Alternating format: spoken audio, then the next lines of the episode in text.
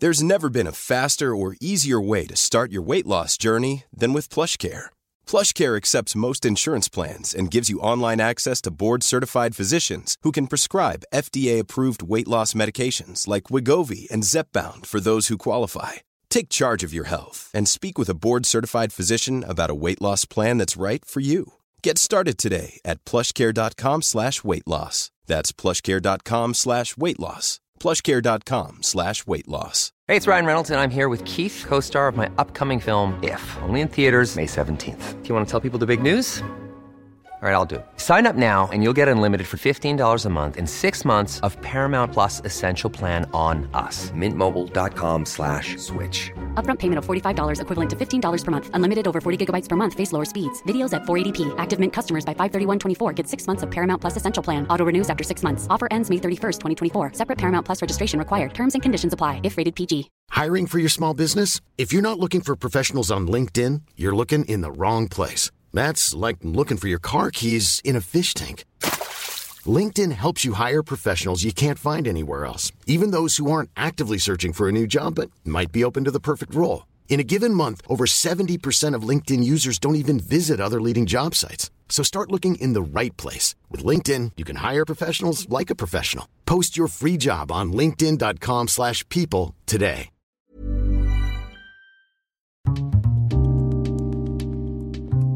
Här programmet handlar om en noga utvald bok och ett samtal med dess författare. Välkommen till Lära från lärda.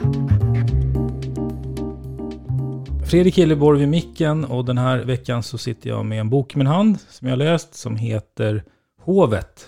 Historien om ett kungligt maskineri. Mitt emot mig författaren Björn Asker. Välkommen! Tack! Jag brukar alltid börja med att gästen får presentera sig. Ja, kortversionen är att jag är en pensionerad docent i historia som har tillbringat större delen av sitt yrkesliv inom arkivvärlden, senast som mellanchef på Riksarkivet. Jag slutade med för två år sedan ungefär. Eh, av intresse här är väl att jag har skrivit några böcker och en hel del annat, ganska mycket om svenskt 1600-tal. Och vad skulle du säga då? Vad handlar den här boken om? Boken handlar om det svenska kungliga hovet och upprinnelsen var eh, att jag tänkte att nu ska jag snart gå i pension. Då vill jag göra någonting som jag tycker är lite roligt och som känns meningsfullt. Och så tänkte jag, finns det någon bok som inte är skriven som skulle kunna ligga hyfsat till för mig? Och då tänkte jag på att det fanns faktiskt inget översiktligt om hovet. Det är ju väldigt mycket skrivet om hovet på ett sätt. Slotten har det skrivits massor om. Konstnärer verksamma vid hovet har det skrivits massor om. Och kungar och drottningar har det skrivits massor om. Men hovet som organisation och hur man har jobbat och hur det har fungerat har det funnits väldigt lite samlat om. Så jag tänkte att om man plockar lite här och där i litteraturen så borde man ändå kunna få ihop något översiktsverk. Mm. Och det blev det ju faktiskt. Sen så är ju teckningen lite bättre i vissa avsnitt än andra. Men det beror ju på vad forskningen har tittat på och inte tittat på. Mm. Ja, när jag läste den så tänkte jag, jäkla vilken research, vad mycket material som ligger bakom. Ja, alltså som jag skriver i inledningen där, det är ju inte bara min egen, men, men eh, ganska många forskare inom olika discipliner, både historiker och konstvetare och litteraturvetare och andra, har ju hållit på med hovet på ett eller annat sätt. Så att, nej men det är ju riktigt som du säger. Utmaningen var att i det här ganska fragmentariska forskningsläget pussla ihop en helhet. Mm. Så att jag la ner ganska mycket arbete på att inventera böcker och artiklar. Sen gjorde jag lite nedslag i arkiven också, framförallt på Slottsarkivet. Mm. Och jag ska säga det, det är ju då från Gustav Vasa fram till Gustav den sjätte Adolf. Mm. Och det, det, betyder att vår nuvarande kung inte är med. Han är inte med, de medeltida kungarna är heller inte med. Och det där var ju en avgränsningsfråga som jag funderade över en del när jag började. För min, eh, ska vi säga, mentala utgångspunkt som historiker är 1600-talet. Så och tänkte jag, ja okej, hur långt bakåt, hur långt framåt? Och då verkar Gustav Vasa som ganska bra att börja med. Dessförinnan finns det ju inget, eh, ingen stadig kungamakt på samma sätt. Utan det är de här medeltida kungarna som växlar om. Och det är riksföreståndare, de alla har varsitt hov på något sätt. Det finns ingen kontinuitet riktigt. Och så tänkte jag förstås också hur långt fram i tiden ska jag gå? De flesta läsare är ju naturligtvis intresserade av hur det är nu. Men så tänkte jag, ja okej. Okay. Ska jag sluta så långt tillbaka som 1973 då blir en del människor besvikna tänkte jag. Å andra sidan, jag är historiker. Ska jag gå fram in på Karl XVI Gustav? Var ska jag då sluta? Ska jag gå fram till nu? Det blir någon sorts reportage. Man måste intervjua folk. Och jag kände att det blir ingen vettig helhet. Jag är ju historiker. Jag ville börja med Gustav Vasa och gå fram, inte allt för långt tillbaka i tiden, men ändå.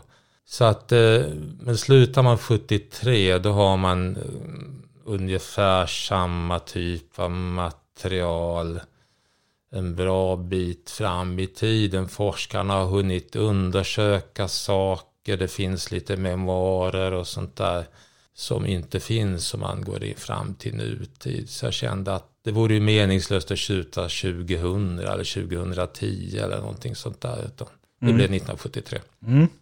Och jag ska säga det, det är ju en inriktning på mycket av organisationen kring hovet. Alltså personal, hur man jobbar, vilken status, vad man ägnar sig åt. Eh, och massa sådana bitar. Ja. Eh, som man kanske inte så, i alla fall inte jag, van att höra om eller hört så mycket om. Man, man har hört mycket, det finns som skandaler eller vad, ja. vad de har uträttat eller och så vidare. Mm. Men, men man liksom, det här är med kik in i, mycket organisationen. När jag har läst om hovet på annat sätt så har jag funderat ganska själv, mycket själv på hur det egentligen har funkat. Jag kan ju inte säga att jag har utrett i detalj. Det hade blivit en ännu mer, ska vi säga, framtung bok. För jag kände när jag skrev den att tycker folk det är intressant med organisationen. Kanske inte. Jag kanske skulle ha börjat med att skriva om, om eh, andra saker som kommer lite längre fram. Med kulturmiljöer och sådana där saker. Jag tänkte man kan ju inte riktigt fatta hur det funkar om man inte har någon kläm på organisationen. Nej. Så att eh, jag kände att det där behövde faktiskt tittas på lite grann. Mm. Eh, men om man kanske börjar med eh, om, om, man tänker sig då från eh, under ja, 1500-tal, 16, 17, 18, 19 och fram till 73. Mm. Och, om, man, om man skulle ge någon typ av överblick över kungens status och roll i samhället, hur den har liksom skiftat och varierat under de här århundradena? Ja, det har det gjort väldigt mycket. Eh, Gustav Vasa började bygga upp en stark personlig kungamakt. Och sen kulminerar ju det på något sätt under enväldet med Karl XI och Karl XII. De frihetstida kungarna var ju ganska maktlösa. Fredrik den första, Adolf Fredrik. Så gör Gustav III sin statskupp och då får kungamakten ett nytt lyft. Sen klingar det av igen efter 1809 när Gustav, man förlorar Finland och Gustav IV Adolf störtas. Och så, där. så är det liksom en sorts utförslöpa genom hela 1800-talet och fram till 1970 fyra då den nya regeringsformen kommer och egentligen inte lämnar kungen någon makt alls. Sen är det lite intressant att den här apparaten kring kungen med hov och ceremonier och sånt där den beskriver ju inte riktigt samma kurva för även under frihetstiden på 1700-talet så höll man ju uppe den yttre apparaten kring kungen ganska mycket. Det bemödade man sig om, de här frihetstida politikerna behöll kungamakten som en sorts fasad kan man delvis säga för sina egna beslut. Vad innebar det då, att hålla den uppe? Ja, de fortsätter med de här storslagna ceremonierna som man utformade när kungarna verkligen var mäktiga. Och ta Stockholms slott till exempel, det nuvarande, det gamla Tre Kronor brann ju 1697. Och då planerar man att bygga upp ett nytt stort pampigt modernt slott, vilket man också gjorde. Men det blev ju inte färdigt medan kungarna verkligen var mäktiga, utan kungafamiljen flyttade in där 1754 när de inte hade så värst mycket makt kvar. Men det hade man ändå satsat pengar på att göra klart det där. Trots att det egentligen symboliserar en väldigt stark kungamakt som inte fanns längre. Och om man tänker liksom ur vilken funktion som kungen och hovet har haft, hur, hur har det eh, förändrats? Ja, det är ju lite som jag sa innan. Kungen har ju i någon mening styrt riket med hjälp av rådgivare och balanserat mot riksdag och, mm. och riksråd och sådär. Och eh, hovets betydelse har ju, har ju hängt ihop med kungarnas betydelse, får mm. man väl säga. När kungen är mäktig så blir, det ju, hovet intressantare. Mm. Under 1800-talet när kungarna så småningom mister sin makt så blir ju inte hovet lika lockande för, ska vi säga, karriärister som tänker sig det som en avstamp för fortsatt lysande bana. Ja, det är också ett intressant perspektiv, att man kan göra karriär, att man gjorde kar yrkeskarriär via hovet. ja, visst. Eh, men, men, jag tänkte bara där med, för att det är fortfarande så att eh, även om makten, eh, den officiella makten då sjönk, så har de, kungahuset alltid haft en status, eller jag tänker fortfarande idag har de ju en väldigt hög ja. stat, en social status, även ja. om man inte har makt. Eh, så att efter, när, när makten sjönk, mm. så då, då var syftet mer att de skulle, de har fortfarande status, men de representerade Ja, kungen representerar ju fortfarande Sverige. Det, går liksom inte, det finns ju ingen som i social status är högre upp än han och kungafamiljen. Det är ju så. Mm. Eller ja, det är en bedömning, men den står jag för. Mm. Ja. Men, men, om vi eh, pratar om det där med att göra karriär, för det har mm. ju också mycket att göra här med organisationen och alla yrken. Ja. Folk som jobbade inom hovet, mm. så att säga. Jag vet inte vilken ingång som är bäst, men vill du beskriva kanske några yrken som har följt med och som har varit viktiga? Det finns ju en viktig indelning och det är ju mellan uppvaktningen å ena sidan och betjäningen å andra sidan. Uppvaktningen det är de här mera glansfulla personerna med finare titlar som eh, kammarherre och hovmarskalk och så som ju väldigt länge uteslutande rekryteras från adeln. Och sen har ju då betjäningen som det är ju pigor och drängar och alla möjliga som behövdes för att få den här apparaten att gå runt rent praktiskt. Och däremellan så var det ju väldigt länge i princip vattentäta skott. Det var ju helt olika kategorier människor som jobbade där. Så att en väldigt intressant sak med hovet som jag hoppas kommer fram i boken det är ju att inom, vad ska vi säga, det handlar om några hundra människor men de rymmer ju hela samhällsstegen från, ska vi säga, tjänstefolket längst ner och upp till kungen och drottningen. Som, ja, högre upp kan man ju inte komma. Så det kan man säga. Och en annan indelning man kan fundera över det är ju det här med manligt och kvinnligt. För att eh, som jag skriver i boken, när man tittar på den här hierarkin med uppvaktning och betjäning så skulle man kunna dela in dem i en manlig pyramid och en kvinnlig pyramid. Därför att alla ämbeten är ju in på 1900-talet, de är ju så att säga genuskodade om man säger så. Mm. Och eh, ja, men ta hovstallet. Vi tycker nu kanske att ridning är någon sorts tjejsport. Men det är ju en ganska sen företeelse som egentligen har med bilismen att göra. Sådär för att ta hovstallet på 1700-1800-talet. Det fanns ju inte en kvinna som arbetade där. Det sågs som en helt och hållet manlig syssla. Medan det till exempel köket är blandat. Men även där ganska många män länge. Mm. Så att eh, det där är ju intressant och likaså att eh, den här kvinnliga sidan, det finns ju ganska höga ämbeten vid hovet, eller väldigt höga som är förbehållna kvinnor som hovmästarinnor hos drottningarna och sådär. Det var ju bara kvinnor som fick ha dem och det är ganska välbetalda jobb om man säger så. Mm. Så att, eh, för att annars när man brukar prata om kvinnor i yrkesliv och så, så så brukar man ju säga att kvinnor kunde inte få statlig tjänst förrän på 1800-talet och ganska låga befattningar. Och det är ju för sig sant och hovet är ju ingen stor arbetsmarknad men, men det är ju ändå något som förekommer.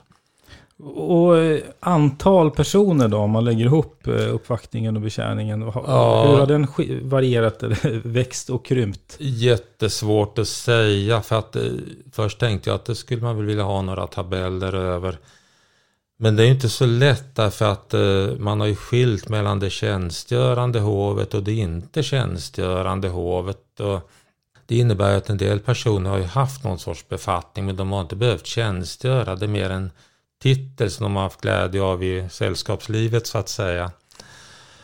Och så finns det ju de som har tjänstgjort vid hovet men har haft sin lön någon annanstans ifrån. En hel del officerare till exempel.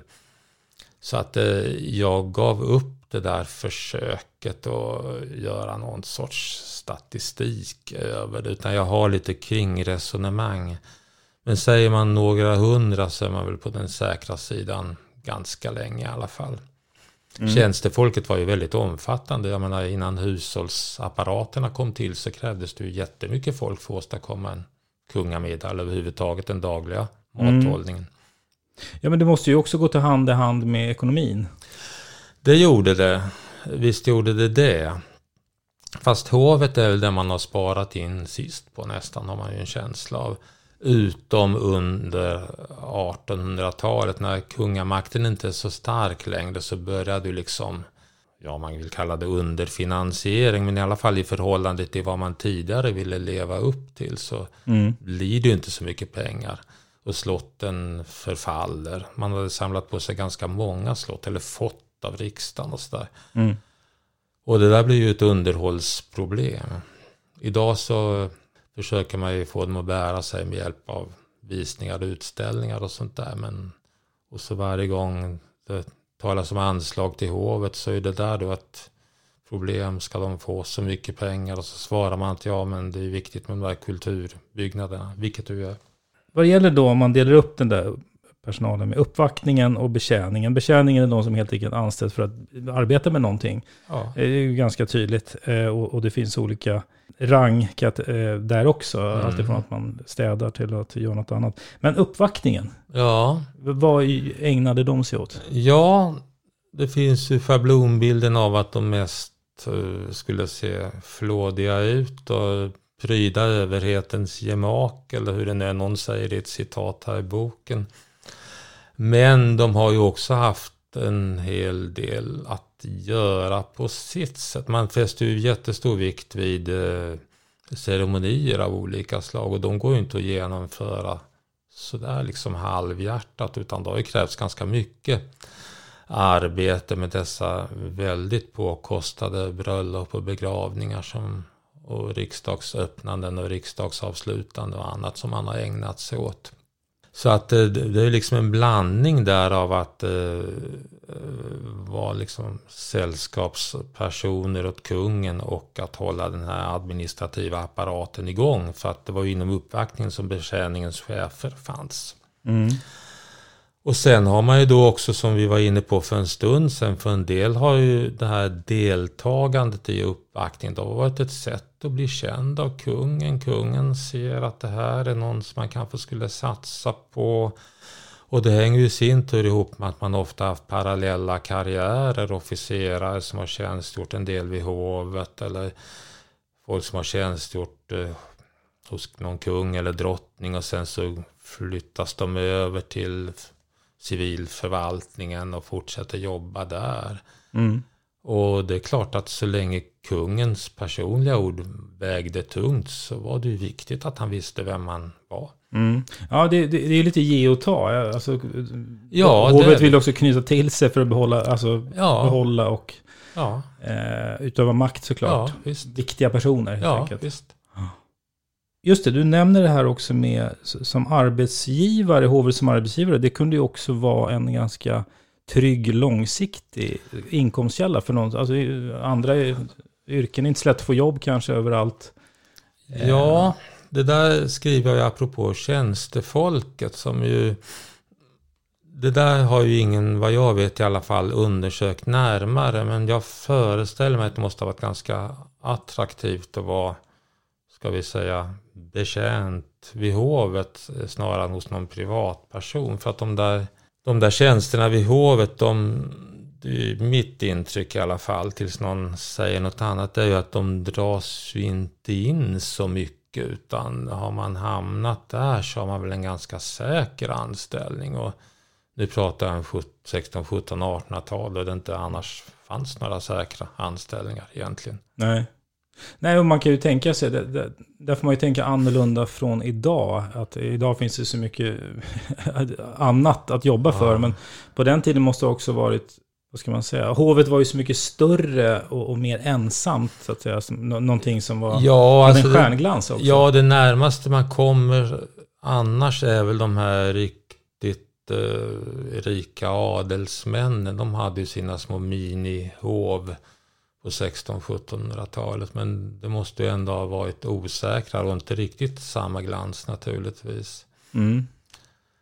Och ja, något socialt skyddsnät fanns ju egentligen inte annars utan man fick ju lita på att man tog som hand av sina arbetsgivare. Det var inte så många som hade möjlighet att lägga undan pengar. Inte på de lägre nivåerna i alla fall. Nej. Finns det någonting som berättar någonting om arbetsförhållandena och, och alltså hur... Det, det, fanns ju inte direkt en HR-avdelning, som, mm. eller ett fackförbund direkt. Men alltså, finns det någonting som, som ger några... Ja, jag är ganska säker på att om man gräver djupare i arkiven än vad jag har gjort. Jag har ju haft som min uppgift att försöka överblicka litteraturen, vilket ju var mycket nog. Så kan man säkert eh, sätta sig närmare in i hur tjänstefolket hade det. det. Det som jag använder mig en del av som ju faktiskt ger en del intressanta glimtar. Det är några memoarer som gavs ut på 70-talet av den då avlidne livkusken Karl Stensson. Han var kusk och sen chaufför hos Oscar den andre och Gustav den femte. Han är väldigt kritisk mot hovhierarkin. Men, och, ja, men där får man en hel del glimtar av intresse skulle jag vilja säga. Mm. Och vad gäller då makt och maktutövning så, så har ju kungen alltid haft rådgivare omkring sig. Eller behövt det. Går inte att tänka ensam.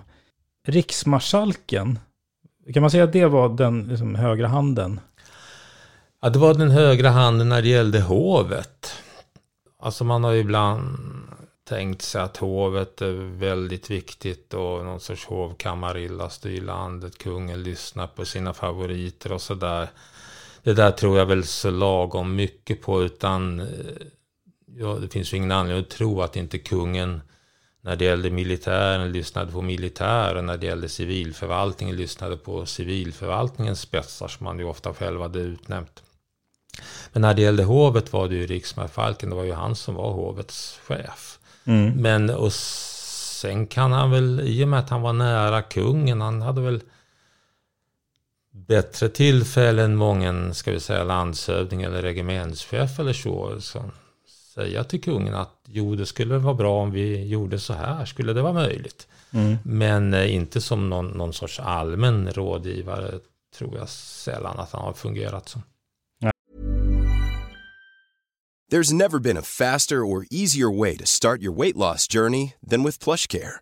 PlushCare accepts most insurance plans and gives you online access to board-certified physicians who can prescribe FDA-approved weight loss medications like Wigovi and Zepbound for those who qualify. Take charge of your health and speak with a board-certified physician about a weight loss plan that's right for you. Get started today at plushcare.com slash weight loss. That's plushcare.com slash weight loss. plushcare.com slash weight loss. I'm Sandra, and I'm just the professional your small business was looking for. But you didn't hire me because you didn't use LinkedIn jobs. LinkedIn has professionals you can't find anywhere else, including those who aren't actively looking for a new job, but might be open to the perfect role, like me. In a given month, over 70% of LinkedIn users don't visit other leading job sites. So if you're not looking on LinkedIn, you'll miss out on great candidates like Sandra. Start hiring professionals like a professional. Post your free job on linkedin.com slash people today. Hey, it's Ryan Reynolds, and I'm here with Keith, co-star of my upcoming film, If, only in theaters May 17th. Do you want to tell people the big news? All right, I'll do. it. Sign up now and you'll get unlimited for $15 a month in six months of Paramount Plus Essential Plan on us. Mintmobile.com slash switch. Upfront payment of $45 equivalent to $15 per month. Unlimited over 40 gigabytes per month. Face lower speeds. Videos at 480p. Active Mint customers by 531.24 get six months of Paramount Plus Essential Plan. Auto renews after six months. Offer ends May 31st, 2024. Separate Paramount Plus registration required. Terms and conditions apply if rated PG. Nej. Är det något annat just när det gäller själva den organisationen och personalen så där, som, var, som du tycker har varit extra spännande? Ja, det skulle i så fall vara det här med, med adel och ofrälse och hur det där ändras. För att uh, vi har ju berört det lite grann. Men, men det är ju länge någon sorts adligt revir och ingå i uppvaktningen. Sen under 1800-talets slut när hela idén med adel börjar svajas där så kryper ju de ofrälse efterhand in. Och det är lite intressant att se hur det går till, tyckte jag personligen. Och där, där är då alltså i princip att vem som helst som inte är adlig. Det som menas med ofrälst. Ja, precis. Mm. Eh, så, så det gick hand i hand med liksom, status och syn på adlighet i samhället? Ja, alltså hovet avspeglar ju på något sätt samhället i övrigt ganska mycket. Och väldigt länge så var det ju, som jag också berör här, ska man kanske inte missbruka ordet identitetspolitik, men Sverige var ju på ett sätt i gamla tider genomsyrat av någon sorts identitetspolitik. Det, inte i den, de parametrar som vi tänker på nu kanske, med religion och kön och stånd, om man säger så, klasstillhörighet, var ju väldigt mycket viktigare än personens personliga egenskaper. Mm. Och därför var det också väldigt reglerat. De här tjänsterna fick bara adelsmän ha. De där var förbehållna ofrälse. Det där är för män, det där är för kvinnor. Och folk som inte är lutheraner släpper vi inte in. Utom kanske på de och de jobben som inte är så viktiga. Eh, Så i den meningen så var det väldigt identitetspolitiskt för världen. Mm. Ja, det speglade den hierarki som rådde i samhället. i Ja, stort. det gjorde ju det. Det gjorde ju det. Det här är ju på något sätt, ja, kungen befinner sig på samhällets topp och det är klart att runt omkring honom så, där har man ju möjlighet att ordna det, någon sorts ideal, något reglerat ideal. Man försöker i alla fall. Mm. Eh, Jag tänkte på det här, du nämnde ju, ja du nämnde alla slotten. Det var förvånansvärt många slott. Ja. Eh, och, och som du sa, det är vissa som har förfallit. Eh, när, när skulle man kunna säga att det var liksom alla mängden slotts högtid? När Ja. pikade det? Som, när såg det som bäst ut? Peak slott inträffar väl på något sätt sådär i början av 1800-talet för att kungamakten, eller kungahuset, fått i sin disposition de flesta av de här slotten som de har nu, eller disponerar nu. Men dessutom så skilde man ju inte på statligt och kungligt i övrigt före 1809. Så vartenda eh, slott av typen Uppsala, Vadstena och så vidare var ju också ett kungligt slott i någon mening. Även om de sällan var där så, så var det ju så. Det är ju först 1809 som man skiljer ut hovet från statsförvaltningen. Och det är ju rätt intressant för att enväldet avskaffas 1809. Då så bestämmer man också i det sammanhanget att eh, hovet får kungen bestämma över som han vill i princip. Men förvaltningen i övrigt och lagstiftning och allt annat det hamnar under kungen i statsrådet. Kungen kan inte sitta på sin kammare själv eller med vilka rådgivare han vill och besluta i regeringsärenden utan det måste han göra med statsrådet. Och så har vi riksdagens roll också. Men när det gäller hovet så kan kungen sen dess göra väldigt mycket som han vill. Jag minns att det var någon kung som beklagade sig över att han fick ärva eh, slott, eh, byggnader i dåligt skick. Men vad Ja, var det det? är ju Oscar den andre. Han var ju väldigt historiskt intresserad. Han gjorde ju vad han kunde för att bevara kungamakten också. Alltså personligt inflytande för kungen. Men han var ju också väldigt intresserad av eh, historiska monument som hade kungamakten i öra. Han bekostar ju delvis själv eh, upprustningen av eh, Stockholms slott sådär kring år 1900. Det kan man se om man går dit och läser på de här minnestavlorna. Att, och eh, Gripsholm till exempel, där mm, samarbetar han med någon, en särskild förening för upprustning av det här mm. slottet som ansågs viktigt. Det var Gustav Vasa som byggde det och sådär. Sen blev det ju en debatt om det där också. för det var ju Werner von Heidenstam som kritiserade att man gjorde slottet ännu gamblare som han skrev.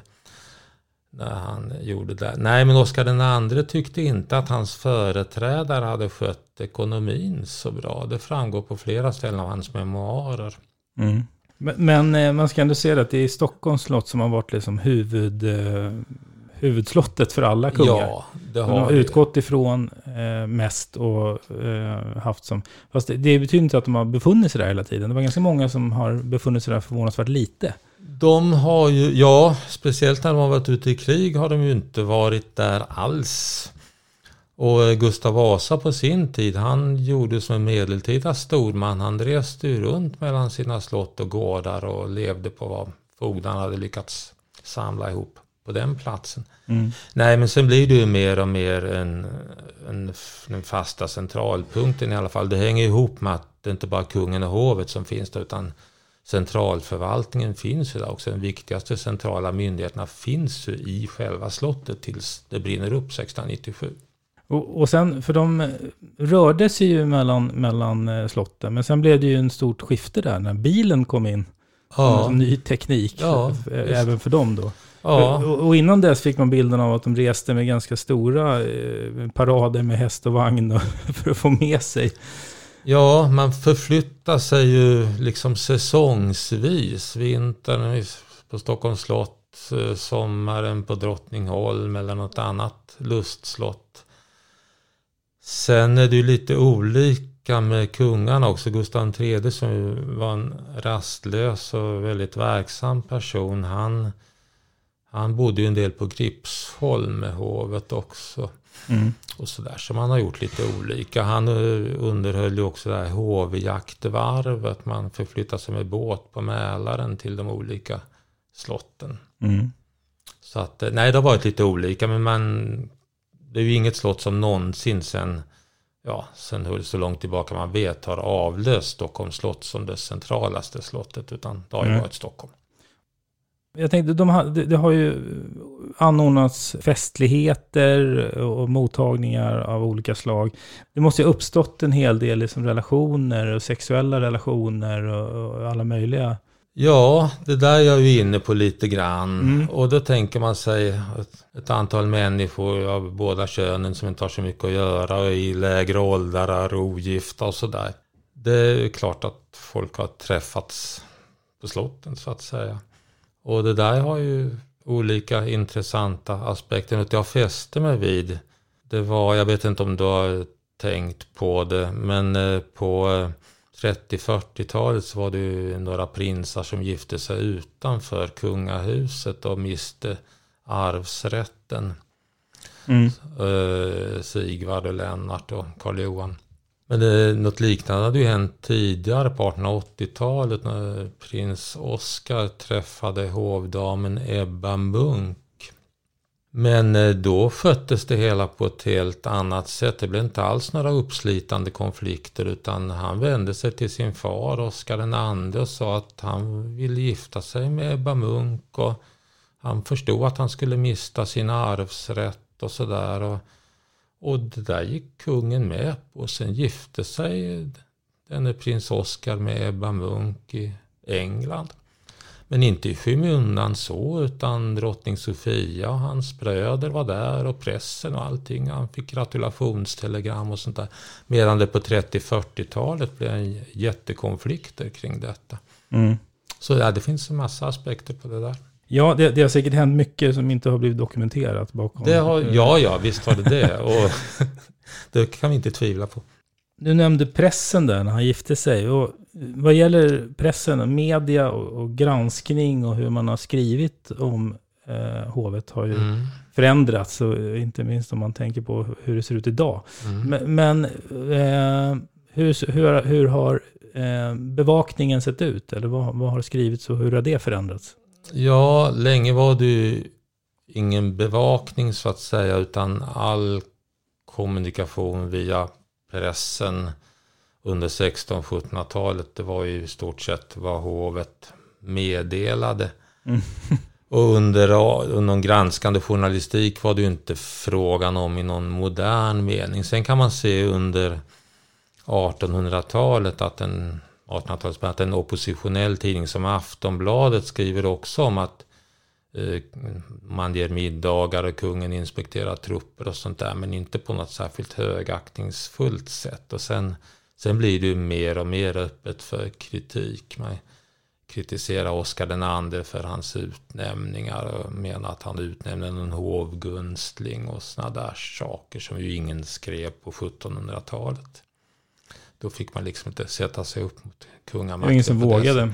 Nej, det var ingen som vågade. Var ju länge var det ju straffbart också naturligtvis. Mm. Ja, sen på 1900-talet så öppnas ju dammluckorna så att säga. Det mesta, det där är ju inget jag har detaljstuderat, men intrycket är ju att det mesta har ju varit väldigt välvilligt. Och så småningom har man ju också blivit mer och mer från hovets sida inriktad på att samarbeta med pressen och insett att man kan ju ha intressen som sammanfaller. För att eh, ganska länge så skötte man det väl liksom med vänster hand och såg ner på de här murvlarna om man säger så. Så det är ju först på 60-talet som man anställde någon presskontaktman. Intressant nog en folkpartistisk lokalpolitiker från Örebro som heter Sten Egnell. Mm.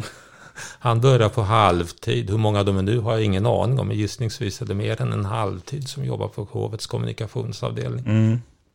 Och vad man heller kanske inte alla är medvetna om är ju det här med hur, hur hovet har bidragit med eh, kultur. Mm. Eh, alltså både bygga och, ja. och utveckla. Ja, det var väl nästan det jag... Jag ska inte säga att jag blev förvånad över att hovet hade gjort en massa insatser på det planet. Men jag blev kanske ändå lite förvånad över att... Ja, mitt intryck var i alla fall att hovet har varit en väldigt dominerande beställare in på 1800-talet. För att eh, visst att mm, kungarna lät bygga slott och sådär. Och kända målare målade av kungar och sånt. Men när jag försökte sammanställa litteraturen där så tänkte jag att så här, ja men nästan alla kända målare och arkitekter på 1600-1700-talet har jobbat åt kungahuset på ett eller annat sätt. Varit anställda vid hovet eller haft uppdrag därifrån. Det är inte förrän på 1800-talet som det börjar finnas en marknad. vi tycker det var fattigt på 1800-talet men välståndet sprider sig trots allt en del. Det är fler människor som har råd att köpa tavlor och, och annat. Mm. Så att det, det där blev, jag lite, ja det var lite av en aha-upplevelse. För att många har skrivit om det där, men litteraturvetarna har skrivit om litteraturen och författarna, konstvetarna har skrivit om konsten och sådär. Men när man, helhetsbilden tycker jag var ganska intressant. Det skulle vara roligt om någon tittar närmare på det där. Och det gäller både konst, musik, författare, ja, eh, ja, arkitektur. Ja, som i hovkapellet. Som man nu uppfattar som Operans orkester. Det var ju egentligen den enda symfoniorkestern i Sverige genom, genom, ja, fram till 1900 ungefär. Ja. Och alla kända musiker i Sverige, tror jag. Nu pratar vi inte om folkmusik, men den här om man nu får använda uttrycket finkulturen, det som man kan beskriva eller uppfatta som finkultur, det är ju knutet till hovet väldigt långt fram i tiden. Så att egentligen är det mycket som kanske inte hade funnits om inte hovet hade existerat? Eh, ja, nej, men eh, det kan man väl säga. Och, och eh, när det gäller byggnader ja. och sådär, alltså jag tänker på operan och Dramaten och mm. alltså... Ja, det, mycket har ju uppförts av, ja i kunglig regi. Men som sagt väldigt länge skilde man ju inte på riktigt på hovet. Och hovet var ju en del av statsförvaltningen på ett annat sätt än efter 1809. Men du nämnde Operan och Dramaten. Ja, det var ju rena hovinrättningar från början Gustav, som Gustav III skapade. Sen fick man ju aldrig någon ekonomi i det. Så att eh, 1881 så förde man över både Operan och Dramaten från hovet till, ja, lade under Finansdepartementet. Sen blev det ju aktiebolag mm. runt 1900 av båda två. Mm. Men den där hovanknutningen lever ju kvar i uttryck som hovkapellet och eh, hovsångare och sådär. Och även när vi är inne på det, eh, sport och underhållning. Alltså de, hovet de, eh, underhöll sig ju också med, du beskriver bland annat hur man, ja, det fanns, kunde finnas gycklare eller eh, kortväxta. Ja. Eh, alltså det var någon, den typen av underhållning också. Ja, och det där är ju det där mer burleska så att säga som ju verkar vara ett helt comme få ja, in på 1700-talet eller någonting sånt. Sen försvinner ju det där. Allt som på något sätt vetter åt lyteskomik och lite, vad ska vi säga, en grövre komik. Det kommer på något sätt ur sikte. Och det har väl att göra med ett allmänt skifte i samhället. Men det är nästan man, man ser framför sig, för man har sett på så här tv-serier och sånt, där det liksom, den typen av underhållning även har förekommit i, ja, i ja. Sverige. Så att ja, säga. ja, visst var det det. Visst mm. var det det. Och det här med, vad ska man säga, öppenhet eller möjligheten att träffa kungen. Mm. Jag tycker du sätter fingret på något när du beskriver att de, de, de flesta människor får, får ju aldrig träffa och prata med kungen eh, mm. under sin tid. Men kungen själva kanske upplever att de träffar väldigt mycket människor varenda dag. Ja, det är bara en gissning. Men, ja, ja, ja, men, men, det är väl rimligt att tänka sig det. Ja. Och man, eh, man behöver bara titta på året med kungafamiljen så inser man att de träffar en väldig massa människor. Men, men hur har det sett ut kring öppenheten och att, att liksom vanliga mm. människor har haft möjlighet? Mm. Har, har det varit stängda dörrar eller hur har det sett ut genom? Nej, det har ju inte varit stängda dörrar utan man har ju alltid satt en ära i att undersåtarna ska få träffa kungen om de vill. Det har ju klart att man har försökt sålla en del men men det här med att få audiens hos kungen och det har man ju aldrig tagit bort som och det gäller ju på alla möjliga plan. Ta till exempel i början av 1600-talet när man inrättade hovrätter. Det var ju för att kungen inte skulle behöva, kungen och hans rådgivare i riksrådet inte skulle behöva avgöra rättsärenden eh, på egen hand. Utan man skulle låta hovrätten ta hand om det. Men det där gick ju inte Gustav II Adolf med på. Så hovrätten blev liksom fortsatt att vara en mellaninstans. Och så var det kungen och hovet högst upp. Och sen eh, när de har rest runt och sådär. Ja, mitt intryck är ju inte att man har avvisat folk i onödan. Utan har velat tala med kungen har de fått göra det. Och en, det har gjorts en intressant undersökning av Karl XIV Johans audienser. Han lärde sig ju aldrig svenska. Han talade definitivt inte och intrycket är ju att han inte förstod det heller. För att han omgav sig med folk som talar franska. Man översatte eh, saker på till honom från svenska till franska. Eh, men han hade genom åren tiotusentals audienser. Det är inte jag som har räknat utan en forskare som heter Per Sandin. Och eh, då tänker man, ja, det må, någon måste ju ha översatt för honom i flertalet fall. De flesta han träffade kunde naturligtvis inte franska. Mm. Men ändå tyckte man det var viktigt att hålla igång det här som rimligen måste ha varit ganska påfrestande för honom. Kan ja, tänka sig. Och, och, kanske lite besvärande för de som sökte honom också. Men det hörde ju till att folk skulle tacka för utnämningar och sånt där. Men också att eh, komma för att be om någonting. Sådär. Så man höll igång den apparaten i alla fall. Mm. Är det någon pusselbit som vi inte har nämnt som du tycker är spännande och vill nämna? Jag tycker du har varit inne på ganska mycket. Det har varit lite roligt. Du har ställt övergripande frågor. Ja, den innehåller ju också väldigt mycket, ska vi säga. Vi har skrapat på ytan. Det, ja, ja. det är eh, verkligen eh, en eh, spännande genomgång som, som dyker i mycket. Men eh, vad tänkte jag säga? Vad var det mest förvånande för dig? Som du tyckte det här? Ja, det, det jag fäste mig mest vid, det var det där som jag var inne på tidigare, att det här kulturlivet, det, där, det kulturliv på 1600-1700-talet som man fortfarande minns. Mm. Det var väldigt hovanknutet. Jag var kanske inte riktigt beredd på att det skulle verka så tydligt. Också att det händer något väldigt tydligt på 1800-talet när, man, när det blir en mycket mer marknad över alltihop, över kulturlivet. Mm. Jag har någonstans en mellanrubrik kulturelit under kungligt beskydd. Det tyckte jag själv var lite roligt. Man uppfattar inte dagens kulturelit som särskilt, ska vi säga, monarkistisk eller så. Nej, precis. Men så har det ju varit. Ja, om de var monarkister vet jag inte, men de anpassar sig i alla fall. Mm. Mm. Jag brukar alltid avsluta med frågan, förutom att läsa boken, har du någon rekommendation till de som lyssnar kring ämnet? Ja, jag har tänkt lite grann som verksam historiker inom arkivvärlden på att nu håller folk på att förlora förmågan att läsa och skriva handstil. Och tänker jag, unga lyssnare, om det finns några sådana, lär dig att skriva för hand, att läsa sånt som är handskrivet, så öppnar sig i alla fall 1900-talets historia för dig på ett helt annat sätt än annars. Bra tips. Tack för att du var med. Tack, det var trevligt.